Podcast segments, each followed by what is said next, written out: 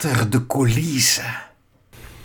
Vanavond, dinsdag 16 maart, ging de gemeenteraad akkoord met het herbenoemingsvoorstel van burgemeester Weerwind. Na afloop van de vergadering moesten de fractievoorzitters in de raadzaal achterblijven. De pers moest de deur uit, de boel was geheim. Na afloop vroeg ik fractievoorzitter Hans van Dijk van de ChristenUnie wat hij van de herbenoeming vond en wat er in het geheim werd besproken. En dat wilde hij wel zeggen. Mondkapje naar beneden.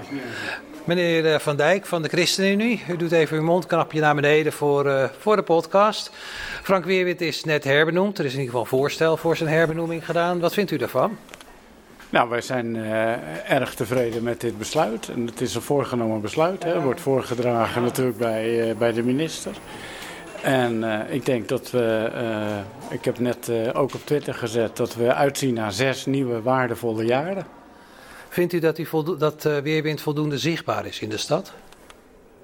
Ja, ik vind dat die voldoende zichtbaar is in de stad. Dat vind ik.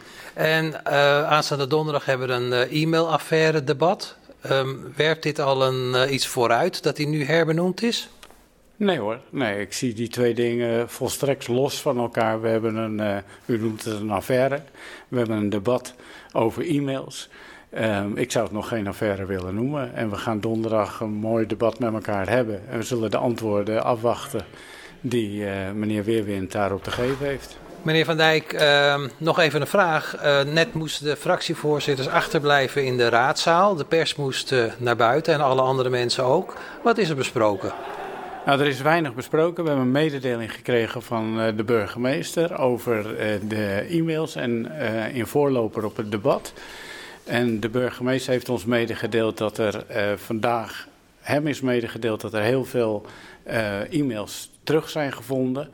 En wat er precies is teruggevonden wordt morgen in een raadsbrief openbaar gemaakt. En ook dan zal u het ook lezen en wij ook, want we weten niet precies wat er is teruggevonden. Maar dat was de korte mededeling van de burgemeester. Dank u wel.